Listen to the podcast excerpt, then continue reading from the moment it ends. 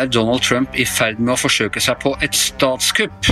Og her hjemme er det problemer innad i Kristelig Folkeparti. Dette er Giæver og gjengen, og det er onsdag den 11. Eh, november. Hei til deg, Hanne. Fortsatt i eh, Washington DC? Jepp, fortsatt i Washington DC. Ja. Er det litt som å være i, eh, i Moskva under eh, revolusjonen for eh, drøyt 100 år siden? Føles det litt sånn? Det er jo ikke noe særlig opprør i gatene. Tvert om så er det fortsatt disse plankebitene foran butikkene her. Men, men det er en spesiell stemning, ja. Det er det virkelig. Hvordan Utenfor Det hvite huset, hvordan er det der? Ja, Der er det de vanlige protestene. og Vi gikk rundt der i, i går. Det var Flere steder var det noen som sto inntil gjerdet og ba. Eh, jeg vet ikke om de ba for Trump eller mot Trump, men, eh, men det var eh, noen krefter der. Det er den store forvirringen som det står om i Bibelen, som har satt inn? Ja, rett og slett. Nå er det, nå er det skumle ting som skjer. Ja, men altså, Vi må ta det litt uh, i rekkefølge. I går var da altså utenriksminister Mike Pompeo, tross alt en av de vi har regna som uh, av de mer edru i uh, Trump-administrasjonen, god venn av vår egen utenriksminister Ine Marie Eriksen Søreide. han var ute i går og snakket om en hva var det han sa, en myk overgang til neste Trump-regjering et lite knis etterpå, eller et, et kvalt latterhiks. Men hva, hvordan tolker du det? Ja, det syns jeg var vanskelig. Jeg, jeg, først så leste jeg om det, og da gikk jeg inn og begynte å google på sånne nyheter. Eh, Pompeo misspoke, Pompeo joke, ikke sant? og fant ikke noe på det. Mm. Og så så jeg selve innslaget, og som du sier, det var jo et smil etterpå. sånn at det, man det kan ha vært et kvalt koronahost også, for den saks skyld. ja. Vi er jo sjuke hele gjengen. Men det er, liksom ikke, det, er ikke, det er, ikke, mulig å tolke som noe annet enn et ekstremt dårlig forsøk på en vits, tenker jeg. Altså. Det, det er At utenriksministeren i USA, diplomaten, skal liksom uh, helle olje på vannet, uh, sier det jeg kan nesten ikke tro annet enn at det er en veldig, veldig veldig dårlig vits. Ja, samtidig så ser jeg altså Eh, jeg kjenner jeg jazzer meg veldig opp nå, er jeg påtatt rolig når vi snakker om det her nå. Eh, men på morgenmøtet i dag så var jeg godt oppussa. Jeg ser det på øynene dine, Anders. Jeg ser det på øynene dine. på morgenmøtet i dag så var jeg godt oppussa og snakket om, om uh, statskupp og sånn. Samtidig ser jeg Joe Biden nå. Han hadde da en, holdt en tale i går egentlig da om pandemien og håndteringen av den, og så tok han noen spørsmål etterpå. Og han er virkelig Joe Cool. Altså lavere skuldre, så skal du ha lavere skuldre, så blir du pukkelrygget gutt, liksom. Ja, han er veldig kul. Samtidig som vi jo vet at kampanjen hans og folka under han øh, ettergår og ser hva som er av juridiske løp for å, for å få ting på stell. Så det er klart at han er statsmannen, den som skal samle landet. Men de utforsker jo alle andre muligheter, og det er de nødt til i denne situasjonen her, hvor du har en mann som sitter i Det hvite huset og ikke vil slutte, ikke vil gå. Han vil ikke erkjenne valget. Og det er jo ikke kanskje en overraskelse når det gjelder Trump. Dette løpet har han jo lagt hele tiden. Han holdt jo på i 2016 òg, at hvis han tapte, så var det, var det fake. og og kupp og sånn. Så det måtte vi jo være uh, mentalt forberedt på. Men alle disse rundt ham, det er jo det som er bekymringsverdig. Jeg skrev en kommentar forrige uke hvor jeg skrev at uh, da han sto og skalv og leste den lappen, at nå har han gått for langt, nå har han tøyd tålmodigheten til republikanerne for langt. Dette kan de ikke gå med på. Shame on me, jeg tok feil igjen. Republikanerne er uh, fullstendige gisler for, for, Trump. Det er litt sånn Jonestown og drikke Kool-Aid-følelse der. Og tør Og om det er noen som er mot så tør de jo ikke si fra. Nei.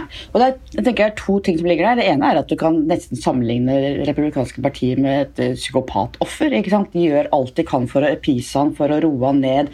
De er veldig redde for reaksjonen hans. Ingen tør ordentlig å si til han, veldig få. De føler at det er deres skyld. Ja, ikke sant? det er en del sånne veldig interessante Det er egentlig en sak for psykiatrien. ikke sant? Det er veldig interessante mekanismer på det menneskelige plan.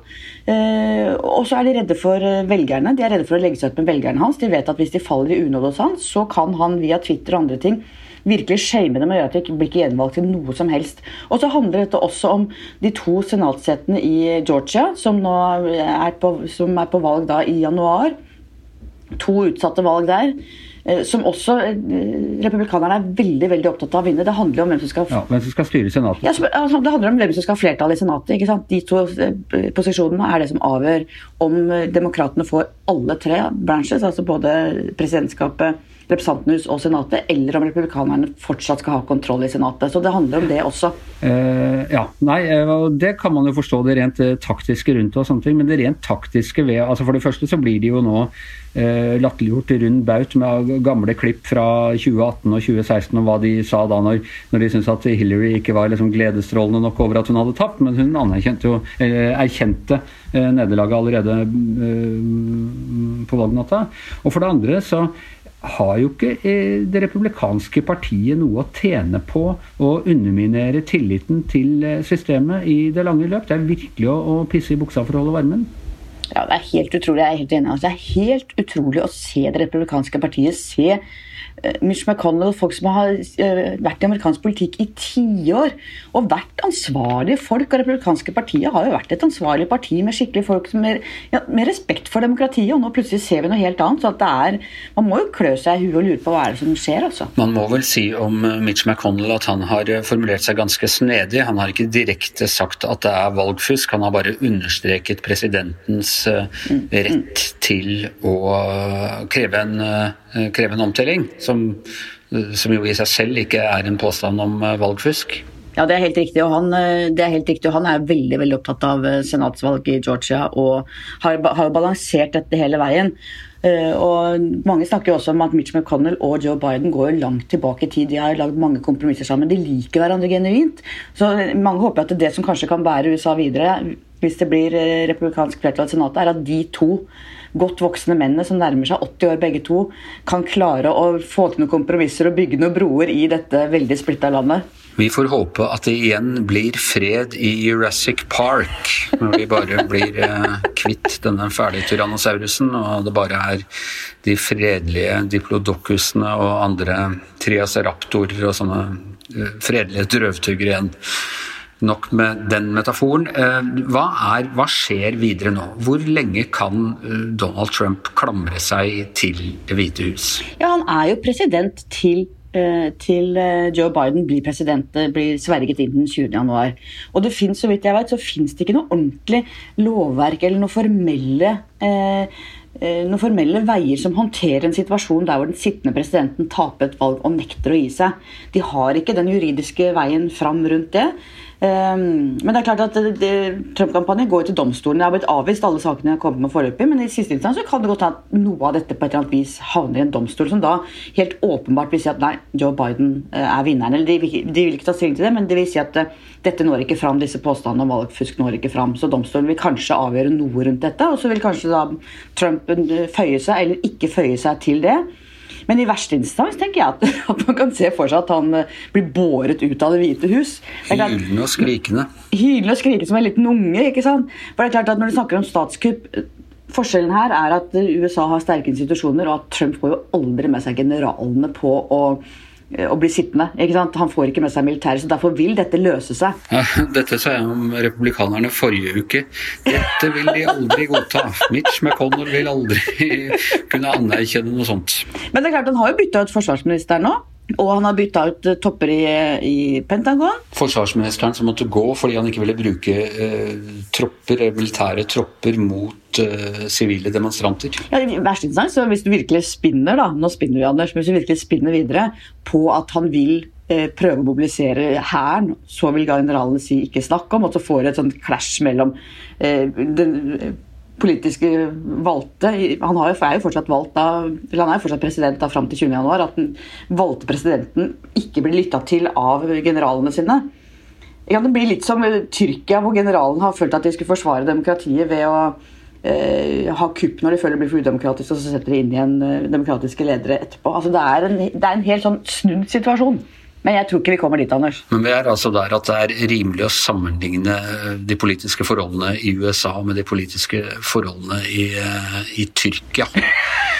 Du, Hanne, jeg må ta en siste bare som svirrer her som en slags sånn udokumentert påstand. Jeg så den på, hos Don Lemon på, på CNN i natt. Den er helt vill, men dette er jo en vill situasjon. Så, uh, Donald Trump stiller igjen om fire år som demokratenes kandidat, eller prøver å bli demokratenes kandidat. Har du hørt det? Nei, det har jeg ikke hørt. Hva, hva var rasjonalet bak det? Nei, Tenk deg det, om han liksom tilbake samme greia som man gjorde med republikanerne. Hostile takeover. Uh, klarer å utmanøvrere alle motkandidatene og, og vinner på, på ren folkevilje. Det, det skulle virkelig vært noe. Ja, Da hadde han blitt enda mer historisk. Fordi vi er gjennom kaninhullet og nede på den andre siden av speilet, og, og i det hele tatt så vil jeg ikke egentlig tillegge det så stor vekt, men, men ting er nå blitt som de er blitt. Nå er han jo historisk som dårligste presidenten ever. Ja, og vi har ikke hørt det siste fra Donald Trump, det er i hvert fall helt sikkert. Ja, det er ikke bare i uh, USA det er politiske problemer. Dog ikke så store, men allikevel. altså, uh, Tone Sofie, tidligere uh, nestleder i Kristelig Folkeparti, Dagrun Eriksen, går nå til partiet Sentrum. Geir Lippestads nye parti, bygget på FNs bærekraftsmål, eller hva, hva det var. Hva er dette for noe?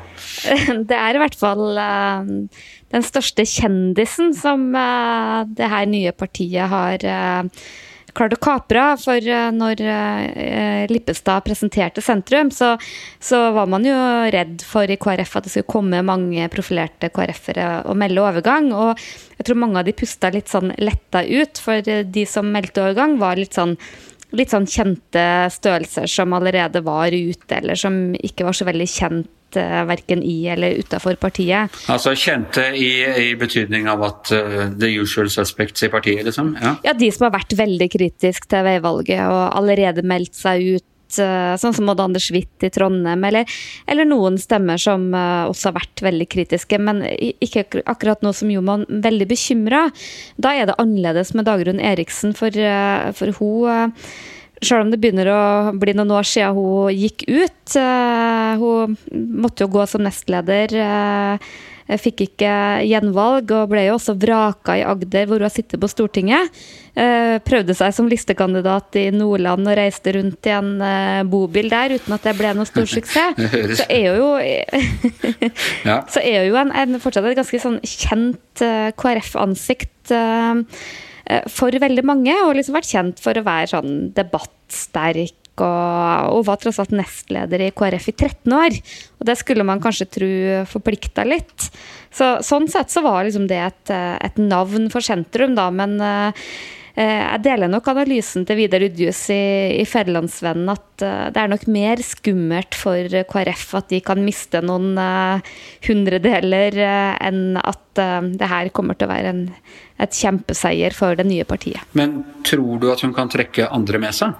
At hun blir en sånn bjellesau eh, ut av partiet? Jeg tror kanskje det viktigste med de overgangene er at uh, det får en del uh, oppmerksomhet. Uh, jeg tror sånn generelt at vi har en tendens til å overvurdere litt sånn effekten av personer. Særlig de som liksom er litt mer sånn kjent, mer enn at man forbinder noe veldig politisk med det lenger. For Norge har et system som er veldig sånn knytta til parti, og, og lite knytta til person. Eh, folk stemmer liksom ikke på kjendiser uansett eh, hvor godt man liker dem, men, men, det bidrar jo selvfølgelig til å få mer oppmerksomhet om partiet. Og jeg tror kanskje, kanskje mange i KrF hadde ønska at det liksom bare skulle slukne litt Eh, litt hen, og at det skulle gå litt i glemmeboka. Da. Men eh, altså, hun er eh, Partiprogrammet som hun i sin tid da ble valgt på, som hun har som, Det er ikke forandret. Så der, og, og, det at de nå er i regjering med Høyre, det er også gammelt nytt. Hva tror du er det som har gjort det nå? nå. Er, er, det den magnetiske kraften til, til Lippestad, liksom? Han er en slags rottefanger fra Hammelen her? Nei, hun begrunner det jo sjøl med at uh, KrF var for lite uh, tydelig i Moria-saken. Uh, Sjøl om KrF nok har kjempa ganske intenst i regjeringa og klarte å, å ble enige om å hente 50 barn, så, så sa hun jo sjøl at når den brannen kom, så syns hun at uh, 50 er altfor lite. Og, og, der har jo Geir Lippestad litt mer Han er jo litt sånn vi tar dem alle mann. ja. uh, har vært han. Så det er jo det litt hun, mer Marte Svennerud? Ja, litt mer det. Og det er jo litt det hun begrunner det med. Men uh, jeg tror nok at det her er litt en sånn nødhavn for uh, KrF-ere som har hittet opp KrF fra før. Og hun er nok i den kategorien. Og, Og det er jo også en grunn til at hun ble vraka både som nestleder og, og førstekandidat i Agder. Og det handler jo litt om den innsatsen hun hadde gjort for partiet. Så kanskje mer sånn viktig ansikt utad enn en noe mer, da, tror jeg. Men er dette en litt tendens i tiden? Så vi Jan Bøhler eh, i Oslo gikk fra Arbeiderpartiet til Senterpartiet. Har fått, med seg et par andre eh, medlemmer også. Dette at man Eh, hvis man lider nederlag innad i partiet, så går man til et annet parti? Ja, men akkurat det er jo ikke noe nytt. Eh, man har jo alltid en viss effekt av at eh, folk som blir vraka, hopper over til andre partier. Et sånt parti som har fått mange sånne, er jo f.eks. Pensjonistpartiet, hvor det har vært en del sånn eldre som har blitt vraka fra lista og stilt der rundt omkring i kommuner. Og, så det, det, det, skjer jo med jevne mellomrom. Jo, men det er, en, det er, en sånn helt konkret effekt av uh, akkurat det, og, og, mennesker som når en viss alder og uh, ikke føler seg verdsatt. Men det derre fra Ap til Senterpartiet, at man lager et nytt parti i sentrum hvor det er så trangt med partier allerede at du liksom ikke kan få inn et partiprogram Eh, en gang. ligger det noe mer i tiden, tror du? Er det litt sånn sosiale medier-måte å reagere på? Nei, det er jeg usikker på, men eh, det er i hvert fall mye mer personfokus. Eh, og det ser vi jo veldig tydelig rundt særlig Jan Bøhler. Og liksom det spesielle med han er jo at han framstår som en person som er mye mer populær utafor sitt eget gamle parti. Eh, mange på høyresida har hatt veldig sansen for han, åpenbart mange i Senterpartiet. Og, og, det er jo litt med den type politikeren han har vært, og hva han har appellert til. og eh, og det er kanskje mer rom for det den, eh, den tida vi er i, da, for det er mer sånn åpenhet. Men uh, det spesielle med Jan Bøhler, tror jeg, er, nok ikke det at uh, det vil komme masse massevis av Bøhler-fans som vil gå etter han inn i Senterpartiet, men det åpner på en måte rommet for at uh, også om du bor i Oslo og Groruddalen, så er, kan Senterpartiet være et parti for deg. Jeg tror kanskje det er mer den effekten mer enn uh, akkurat den Bøhler-effekten. Det har jo ikke helt stoppa uh, uroen i Oslo Arbeiderparti. Det har vært en liten runde der nå med Espen Barth Eide, som uh, ble nominert høyere på listen, og han Frode Jacobsen, som egentlig hadde den plassen, som trakk seg og sånne ting. Er det Rakner det litt innad i Arbeiderpartiet i Oslo? Det er i hvert fall betydelig uro der, og jeg tror de skal være glad for at det er både korona og vært et visst valg, som du har snakka litt om, Anders, som har liksom overskygga veldig det. For det har vært veldig mye uro rundt den uh, nominasjonen. Og, men, men, det er veldig sånn delt, for uh, en del av partiet mener at det var liksom uhørt å vrake Barth Eide, som tross alt har vært utenriksminister, en åpenbar kandidat, det. Mens andre mener at det at Frode Jacobsen er leder av Oslo Arbeiderparti, gjør han kvalifisert til å ha denne tredjeplassen. Det, liksom, det heter seg at det er Oslo Arbeiderparti sin Eh, og det at Frode Jacobsen nå liksom valgte å hive fra seg plassen til Barth Eide, det har nok i hvert fall gitt han en veldig høy stjerne i partiet, som en av veldig få i norsk politikk som eh, setter partiet foran seg sjøl. Og det har nok på en måte dempa det. Men jeg tror ikke vi er ferdig med Oslo Arbeiderparti, for eh, vi vet jo at uh, sjøl om hun Zainab uh, er innstilt på andreplass, så vet vi også at uh, Oslos uh, varaordfører Kamzy Gunaratna, men jeg er litt dårlig på uttale av navn her, hører jeg. Ønsker, ja, ønsker også den plassen, og det er jo to som er innstilt mot hverandre, så det blir kampvotering om på fjerdeplassen.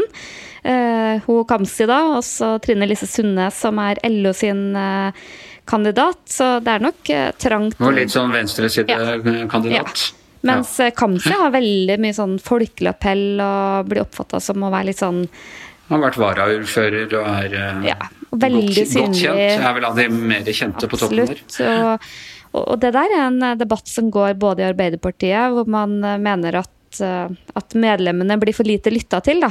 Det er akkurat den samme debatten som nå går i Høyre, hvor man sitter nå og venter på at nominasjonskomiteen skal prioritere. Og der er det jo sånn at det er veldig mange aktuelle kandidater eh, om lista. Vi vet at noen av de som er eh, kjente og kjære navn i Oslo Høyre, ikke kommer til å få plass. Men eh, det er litt sånn i politikken i dag at det er liksom akkurat som et sånn vått teppe har lagt seg over alt. Så vi får liksom ikke så mye som bobler til overflaten. Vanligvis sitter folk på puber og snakker og konspirerer om hvem de vil ha på listene, og det der har dødd litt nå. Ikke bare litt. Til gjengjeld så får du sosiale medieopprør når, når, noen trekker seg, eller når noen skifter parti, eller, og, og støtte fra litt andre kanter enn det man kanskje er vant til. Ja.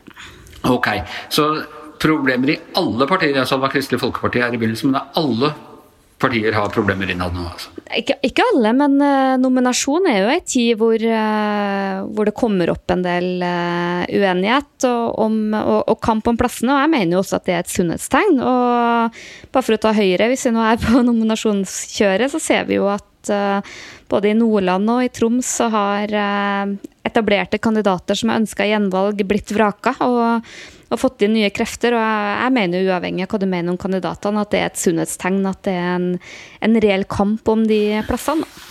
Det er jeg helt enig med deg i, og det, jeg syns det er veldig deilig etter at jeg har fordypet meg såpass mye i det amerikanske valget siden, å se at det er sånne tradisjonelle politiske konflikter. Eh, nominasjonskamp og, og policykamp, og er ikke enig i det og det og sånne ting. Det er, liksom en, det er bedre enn når, når sittende regjeringer eh, nekter å gå av, f.eks. Og eh, så hurra for Norge. Eh, Giæver og gjengen er over for i dag. I Washington Hanne Skartveit på sitt hjemmekontor i Oslo. Tone Sofie Aglen. Jeg heter Anders Giæver, og mannen som aldri går til verken høyre eller venstre eller opp eller ned, men blir sittende som produsent av podkasten vår, heter Magne Antonsen.